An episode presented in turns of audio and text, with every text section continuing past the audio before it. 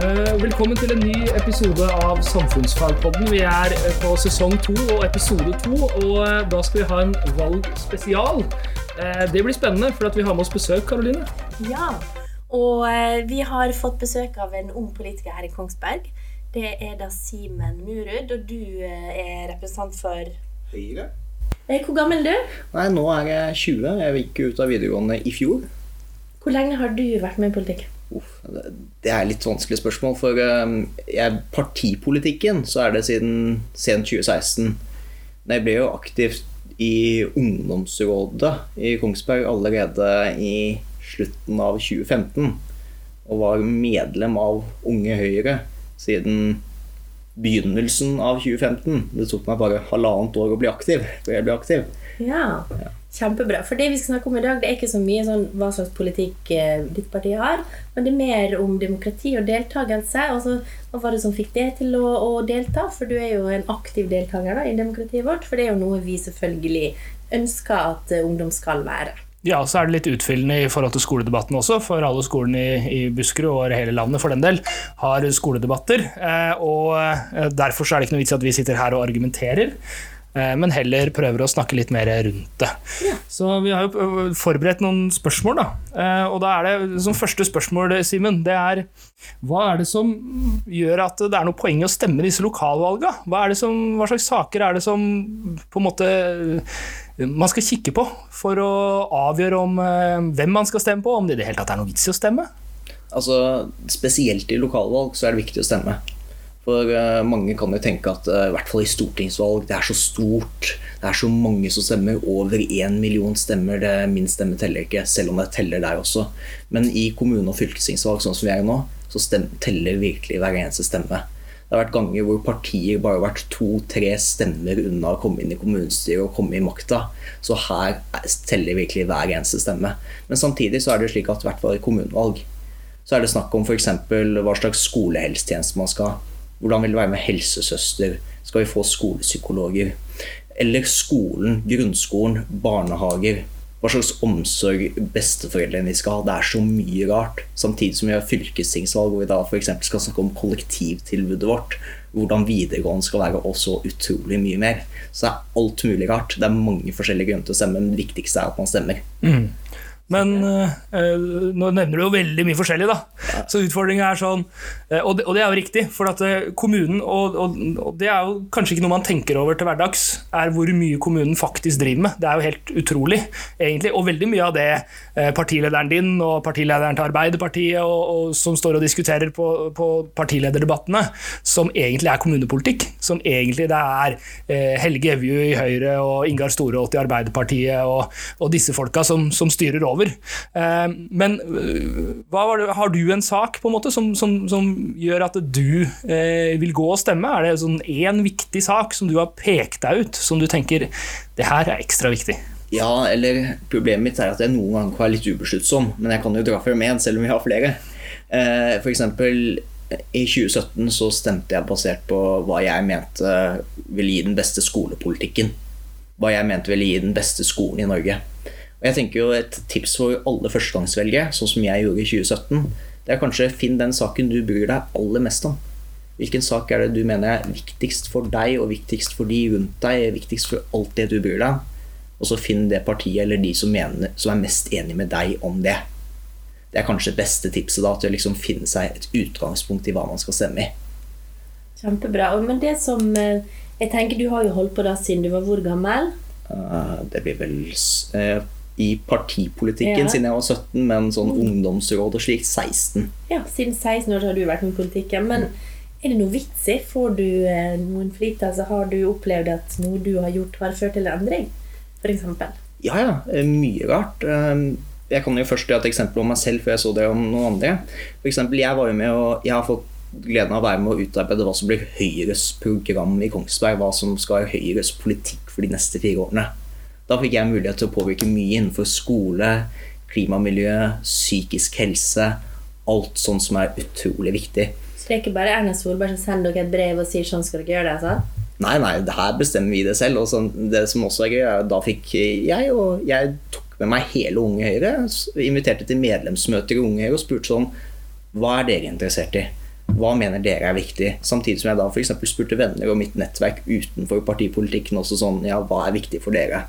Hva mener dere er dårlig med lokalsamfunnet? Hva mener dere er bra? Hva mener dere kan bli bedre? Men samtidig så har vi jo et eksempel fra Buskerud Unge Høyre, der jeg er så heldig å være nestleder nå.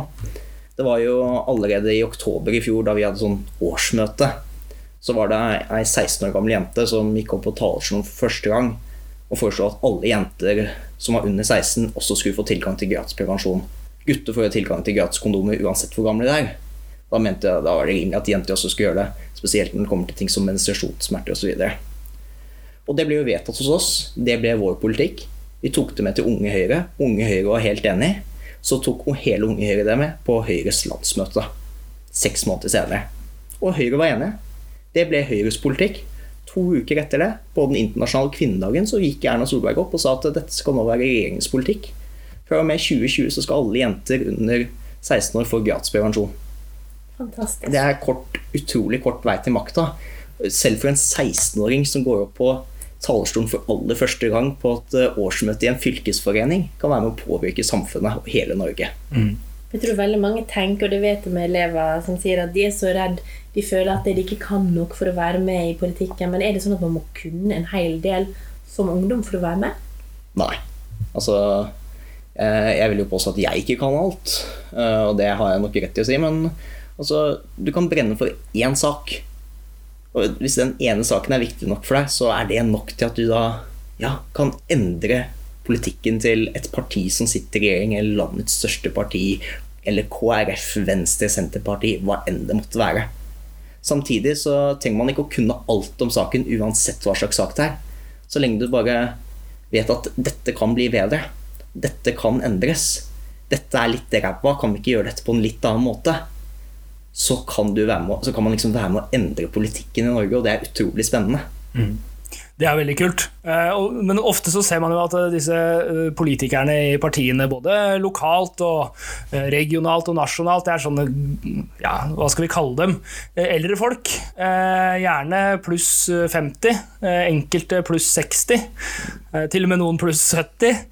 Og hvordan er det da når du kom som ja, 17-18-19-åring og skulle fremme din politikk i, i lokallaget? Da er det jo ikke for å henge ut noen, men det kan jo være en utfordring som ungt menneske å komme inn i, i på en måte den, den, en sånn seriøs setting. Da. Hvordan følte du at du ble tatt imot i, i, i den sammenhengen? Altså, jeg følte jeg ble tatt godt imot. Men samtidig har man jo hørt historier om folk som da kanskje kunne tenkt litt ekstra. Det er også derfor det er så utrolig godt å engasjere seg. For Hvis man er med et ungdomsparti eller er med en ungdomsorganisasjon for å engasjere seg, så er man aldri én enkelt person. Man har alltid et helt lag bak seg som alltid støtter deg og alltid hjelper deg, uansett hva det måtte være.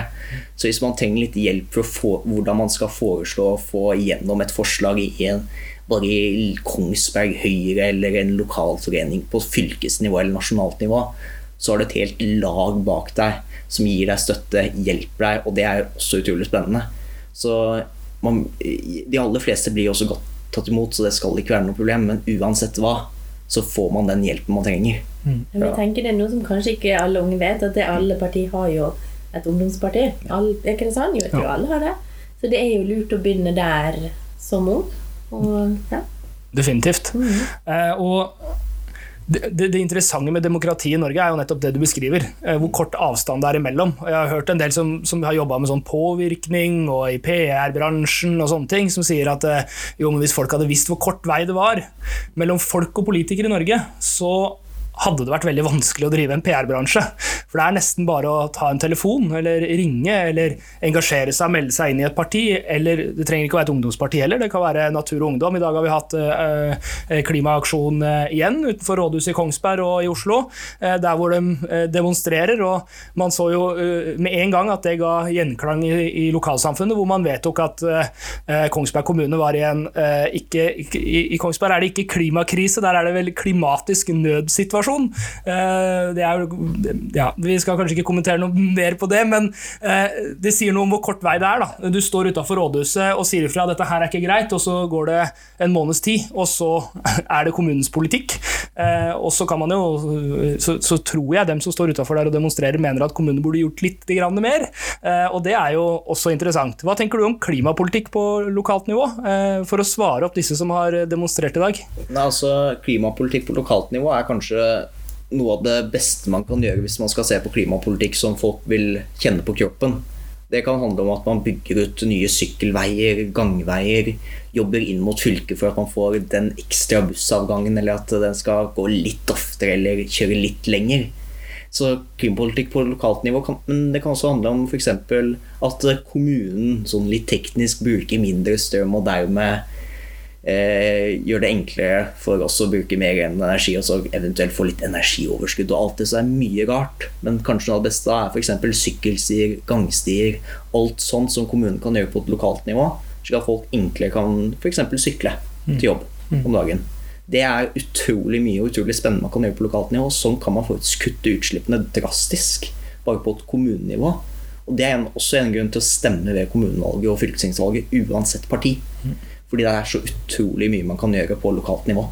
Ja, for det er jo noe vi lurer på. Hvorfor skal egentlig ungdom gidde å stemme når, det sitter, når vi har en gjennomsnittsalder på 65 år i kommunestyret?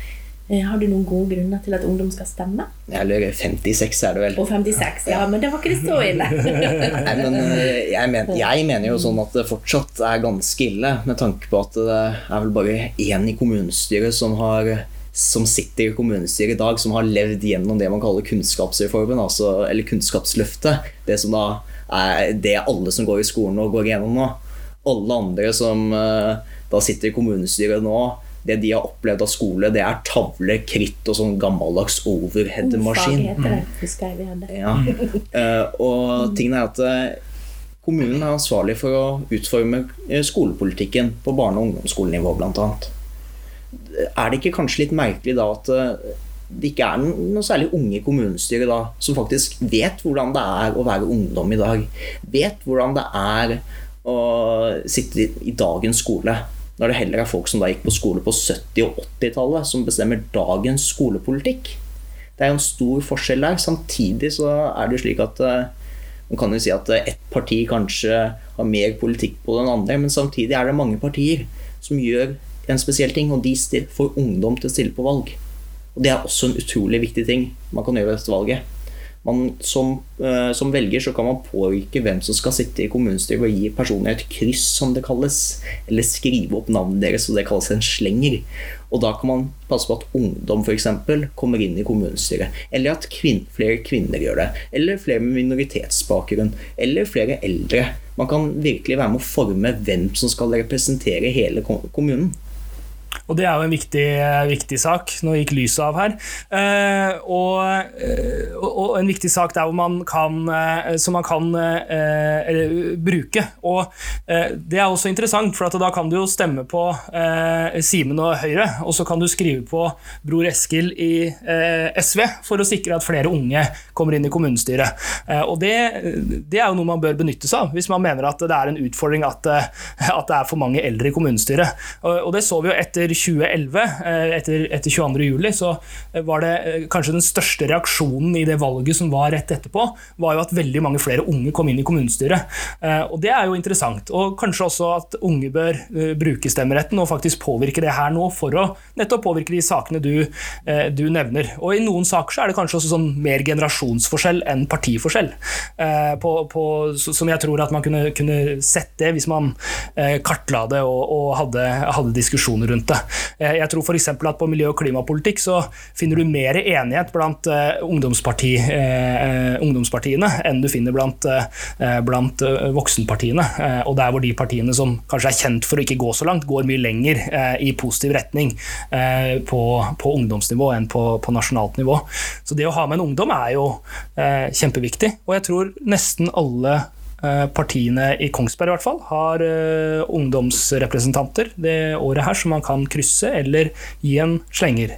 For da har et lite fagbegrep. Jeg vil ikke jo flette inn et fagbegrep. I Norge så har vi jo det som heter representativ eller indirekte demokrati. Og det er jo hele den grunntanken her at du stemmer for at noen skal representere det.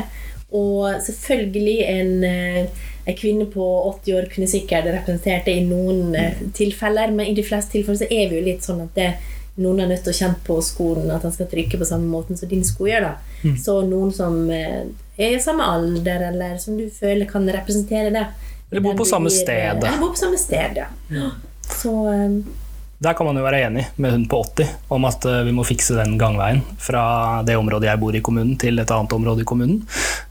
Det vil jo være naturlig. Ja, og så vil jeg jo bare bygge litt på det du sa, fordi jeg driver jo av med sånne skoledebatter nå og reiser rundt omkring i hele fylket og får vært med på det som kanskje er skikkelig demokrati og skikkelig ungdomsengasjement. Man får dratt rundt på debatter, forteller samme vitsene som man har gjort i flere tiår nærmest fra ungdomspartiene. Forskjellen er bare at elevene vet jo det aldri, for det er nye elever for hver debatt. Eh, Men da får man jo sett at det f.eks. alle ungdomspartiene er mye, mer, er mye grønnere enn sine moderpartier. Og det er vel Det er kanskje den saken man kan se størst sånn, eh, forskjell på generasjonene på. For jeg vil jo tro at eh, alle ungdomspartier, og de fleste ungdom som stiller til valg, er generelt sett mye grønnere enn partiet de stiller til valg for. De vil alltid se et sånn enda grønnere perspektiv på alle beslutninger de gjør for partiet sitt og i kommunestyret. Og det er en måte man virkelig kan påvirke i valget, ved å da gi en slenger eller gi et kryss. Definitivt. og Det ser vi jo i, i, i internasjonal politikk også. Hvis vi går til brexit-valget i Storbritannia, så så man en helt klar forskjell på hvordan eh, den eldre og den yngre garde stemte. Hvis eh, de under 40 hadde bestemt brexit-valget, så hadde eh, det blitt eh, remain, man hadde blitt i EU. Eh, men fordi at det var flere av de eldre som stemte, så endte man opp med å gå ut. Tilsvarende i det amerikanske valget, der hvor flere av de eldre eh, stemte Donald Trump, mens de yngre stemte ikke Donald Trump. Og Det viser jo litt at hvor viktig det er at ungdommen faktisk går og stemmer, fordi det har en reell eh, innvirkning. Eh, Og det er gjerne sånn at det er en, eh, en generasjonsforskjell i, i hvor, man, hvor man går hen i det har politikken. med framtida å gjøre, altså hvordan man forholder seg til den. Så det er veldig interessant. Mm. Men jeg tror absolutt at ungdom skal få lov å lede veien når det gjelder klima, f.eks. Det er jo veldig viktig. Men fortell litt om hvordan det er å være ungdomspolitiker, eller ung politiker. Har du noen erfaringer å dele? Ja, altså Man møter jo noen politikere, uh, uavhengig av parti. Jeg har jo liksom møtt politikere fra andre partier her i Kongsberg også som sier sånn Du burde bli tørr bak øra, eller du burde, burde liksom sette deg bedre inn i saken. Altså to og så to slett. tekstmeldinger senere så viser det seg at oi, han ungdomspolitikeren har fått seg inn i saken. Ja, ja, da gidder jeg ikke å si noe mer. Ikke engang unnskyld. Men det er, få, det er et fåtall av tilfeller. Det må understrekes. De aller fleste politikere man møter, er utrolig hyggelige. De er utrolig imøtekommende og vil virkelig at ungdom skal engasjere seg. For de vet også at ungdom Jeg er litt lei av å si det, for det er en klisjé, men ungdom er fremtida, som mange av dem sier. Og derfor er ungdomsengasjement så utrolig viktig. Samtidig så må man jo si at f.eks. ungdomspartiene i Buskerud, hvor vi er, har en utrolig god kultur sammen. Hvor man da f.eks. drar på sosiale aktiviteter sammen etter debatter. Etter skoledebatter så går vi f.eks. tar hverandre i hånda, klemmer hverandre, sier takk for debatten. Selv om fem minutter tidligere så satt vi og skreik på hverandre på scenen i røyk, på Røyken videregående f.eks. Men fortsatt så går vi til hverandre, klemmer hverandre, sier takk for debatten, du gjorde det utrolig bra i dag. Alt sånt. Så tingen er at det er et utrolig godt miljø å være med i politikken. Og uansett hva slags motstand man møter på, så vil man møte støtte både fra folk i eget parti, eget ungdomsparti, men også fra ungdomspolitikere og politikere fra andre partier. Jeg har mista tellinga på hvor mange ganger folk fra SV, Rødt, Arbeiderpartiet, Frp, Venstre har sagt tusen takk for at du gjør en sånn jobb, stå på videre. Uavhengig av alder. Så folk tar virkelig eh, ungdomsengasjement på alvor. Selv om mange ganger kan det føles som ungdom ikke når til. Så er det så er, er i hvert fall min oppfatning at eh, når politikere virkelig møter engasjert ungdom, så blir de nærmest overlykkelige. De føler at 'Å, dette har jeg venta på. Dette er så utrolig bra.' Og de applauderer det. Det er så utrolig fantastisk, samtidig som man da så det, det som er rørende for meg, er jo hvordan man da for det samholdet mellom partiene. Selv også voksenpartier.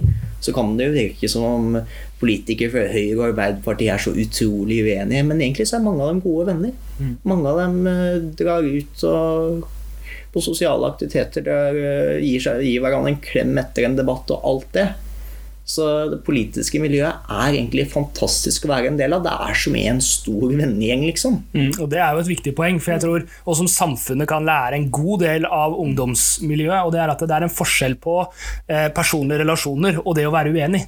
Det er ikke sånn at eh, fordi at vi er uenige, så må vi være uvenner. Eh, og det er jo ganske viktig. Og, det, og det, er, det, tror jeg Er en sånn ting som, er det én ting jeg ville tatt fra liksom, ungdomspolitikken og smørt utover hele Norge, så er det akkurat den, den kulturen der. Da, at uh, vi kan diskutere og debattere, og det er jo veldig sunt å gjøre det òg. Jeg tror noe av utfordringa ved Norge er at vi litt for sjelden tar de store debattene, og litt for sjelden debatterer med hverandre hvis man hører noe man er veldig uenig om her på pauserommet på skolen f.eks. Det er jo fordi vi er redd for å bli sett på som at vi skal bli uvenner, men det, når man klarer å skille de tingene der, så er det jo ingenting i veien for å diskutere. Definitivt ikke. Så vi begynner å nærme oss slutten, men vi tenkte også at vi skulle ta med oss en bit om å prøve å se litt forskjellen på høyre- og venstresida. Og Eh, vi har diskutert det litt i, i podkasten tidligere. Hva er det på en måte som, som er sånn grunnleggende skillelinjer? For at Én eh, ting er på sånne enkeltsaker, og det kunne du helt sikkert ramse opp en hel haug av. Eh, av saker som, som, Høyre vil i Kongsberg, men som Arbeiderpartiet ikke vil. Men det får vi i debatten. Men det som er interessant, er å liksom gå ned på den ideologiske greia. Da. Hva er det som, de store linjene, hva er det som skiller, skiller disse to sidene? Hvorfor kan ikke Høyre og Arbeiderpartiet samarbeide på Stortinget og danne regjering sammen? Hva, hvorfor skjer ikke de tinga her? Interessant å få dine synspunkter på, på, på, de skillelinjene der. Ja, altså, jeg tror egentlig at eh, For det første så må man jo si at eh, alle partiene i Norge er egentlig enige om de grunnleggende tingene. At vi skal ha en felles skole, offentlig skole, at vi skal ha offentlig sykehus osv. Og Egentlig så kunne nok Høyre og Arbeiderpartiet f.eks. stemt likt i 90% av alle saker på Stortinget, men det er de siste 10% som begge to er skikkelig sta på at de ikke vil gi fra seg. Uh, og jeg tenker jo sånn at uh, uh, venstre, min, oppfatning og mitt system, min tankegang, hvis jeg skal prøve å ta det kort, det er at uh, f.eks. venstresiden tenker mye på fellesskapet. Hvordan eh, man er i det store fellesskapet som et land, som et folk. Hvordan man da skal gjøre hele fellesskapet bedre løfte det opp. Mens høyresiden eh, snakker ofte kanskje om enkeltindividet og snakker om hvordan enkeltindividet skal ha mulighet til å kunne ta flest mulig valg i hverdagen. Samtidig som at hvis høyresiden f.eks. snakker om et fellesskap, så er det kanskje litt mindre fellesskap, som f.eks. familien, et lite lokalsamfunn, slike ting. Eh, og begge sider kan ha sine vakre og stygge sider, kan man si. Eh, hva som er vakkert og hva som er stygt, avhenger kanskje litt av hva man stemmer og hva man mener. Men jeg vil jo sånn på grunnleggende nivå si at eh, kanskje venstresiden har et mer sånn fellesskapsperspektiv, mens høyresiden ofte også tenker, har et større fokus på enkeltindividet og hvordan dette vil gå utover enkeltindividet. Mm. Det er en god huskeregel. Vi pleier ofte å si liksom at Venstresida er opptatt av likhet, mens eh, høyresida er opptatt av frihet. Er det noe som man kan si, eller blir det feil? Altså, Det kommer jo an på saken, vil jeg jo si. Mm. For det kan være en fin huskeregel i noen saker. Eh, mens jeg vil jo si at eh, f.eks. så vil, kunne høyresida godt argumentert for at eh, eh den, at både fri, friheten kan også gi likhet. Men samtidig så kunne venstresiden sikkert argumentert at likhet det vil gi veldig mange frihet. Mm. Så det, sånn sett så kan det overlappe hverandre. For um, eh, jeg vil jo tro at um, at uh, Nå begynte jeg å sitte litt fast her, men jeg vil jo tro at uh, i hvert fall i mitt hode så gir begge mening. Både det med likhet versus frihet, eller individ versus fellesskap. Mm. Samtidig så kan jo høyresiden ofte bruker ord som fellesskap eller vår felles et eller annet. Mm. Og da kan de faktisk snakke litt sånn som venstresiden og faktisk mene hele fellesskapet.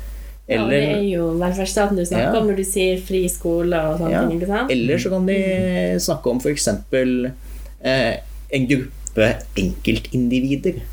Og da begynner vi å komme inn på det individperspektivet til høyresiden igjen. Så det er, det er mange forskjellige skillelinjer, men jeg tror faktisk den frihet, likhet og eh, enkeltindivid og fellesskap er to gode huskeregler man kan ta i bruk sånn sett. Mm. Og så er det også interessant, for Partiene har jo gjerne også forskjellig eh, forståelse av disse begrepene.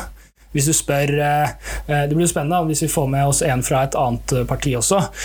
Så vil man kanskje, hvis jeg spør deg hva legger du i likhet og hva legger du i frihet, så vil du ha dine svar på det. Vi kan jo prøve det etterpå, etter at jeg har snakka ferdig om det. Og så kan vi spørre den fra venstresida om det samme. Og så vil man mest sannsynlig ha ulike hva skal man kalle det, definisjoner eller forståelser av det. Så for å synliggjøre den forskjellen, så kan vi jo spørre begge to om det. Hva legger du i frihet og likhet, Simen? Altså, Jeg kan jo egentlig slå dem litt sammen. Fordi jeg mener at eh, man skal ha likheten til at alle har lik mulighet til å kunne ha stort uh, utvalg av ting å velge mellom. Stort utvalg av tjenester å velge mellom. Enten om det da er offentlige eller private. At alle skal ha lik mulighet til å kunne velge mellom de.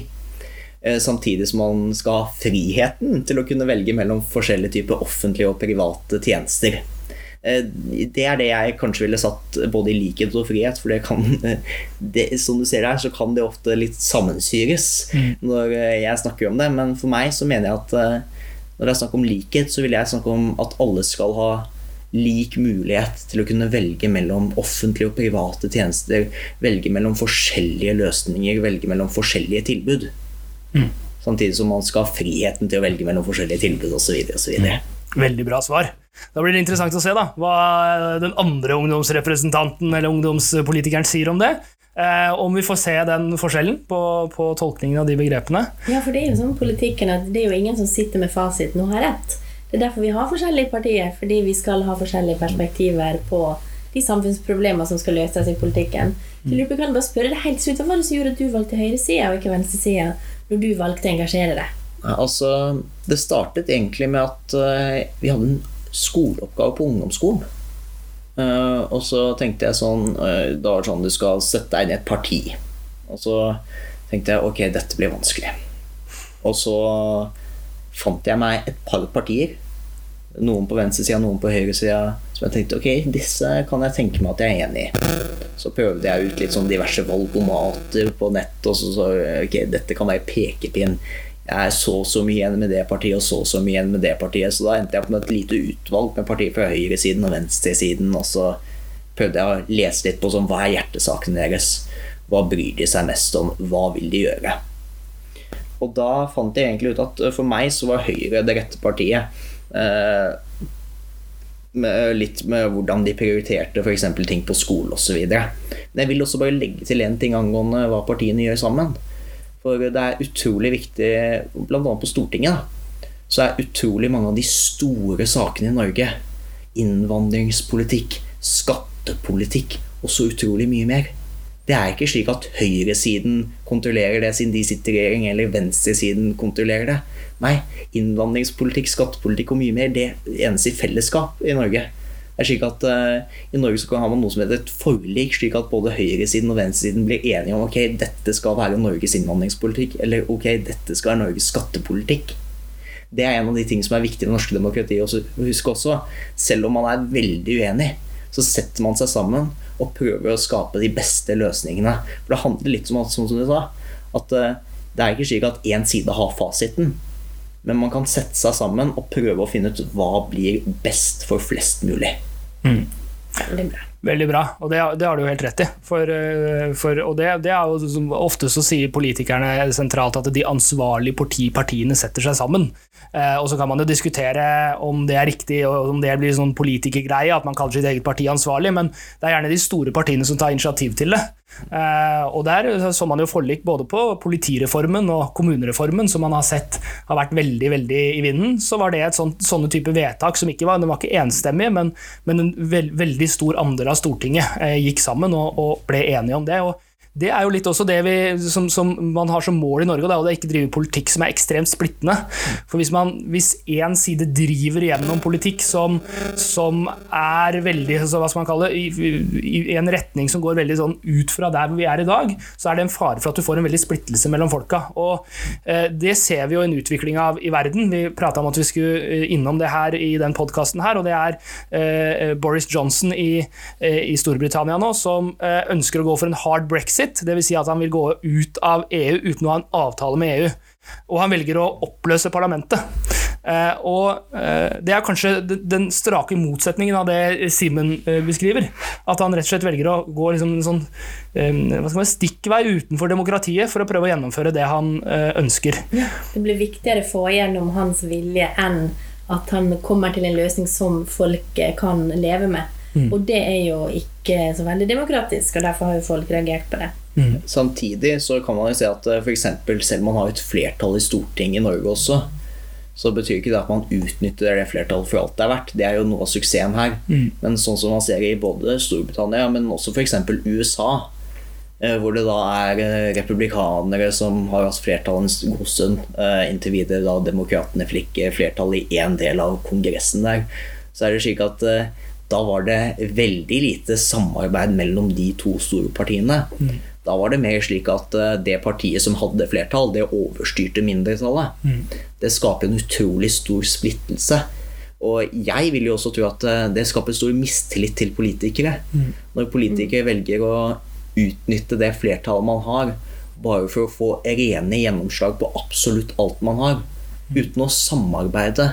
Uten å da komme til kompromisser mellom de to fløyene og finne ut kanskje hva er det som vil treffe folk best? Hva er det som vil være for folkets beste, og hva er det som flest folk kan si seg enig i? For politikk det handler jo ikke om å bare utnytte den makta man har mens man har den.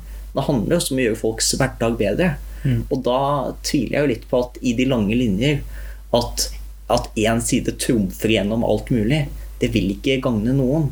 Det, alle vil tape på det. Så det er en litt sånn annen forståelse av makt? Eller altså Politikk mm. handler om makt, men å tjene folket mm. Og det er vi flinke til her i Norge, ikke vi det? Jo. Og, det, og, og, og, vi ikke driver gjennom på minimale flertall. Da. For Det kan være sånn 49% og 51% altså Stortinget nå er det, er det et par mandater som skiller eh, regjeringas blokk mot, eh, mot, opposisjonen. og det er klart Da har du et veldig minimalt flertall. Det vil si at det er liksom, Hvis du deler Norges befolkning i to, da, så er det liksom eh, bitte litt over halvparten som, eh, som støtter den ene sida, og, og bitte litt under halvparten som støtter den andre sida. Hvis man da har veldig sånn sprikende, så, så vil det jo splitte folket veldig. Ja, og Vi så en liten reaksjon på det når under forhandlingene med regjeringen at KrF fikk gjennom sitt abortforslag, og jeg vet det var mange høyrefolk som ikke syntes det var noe hyggelig.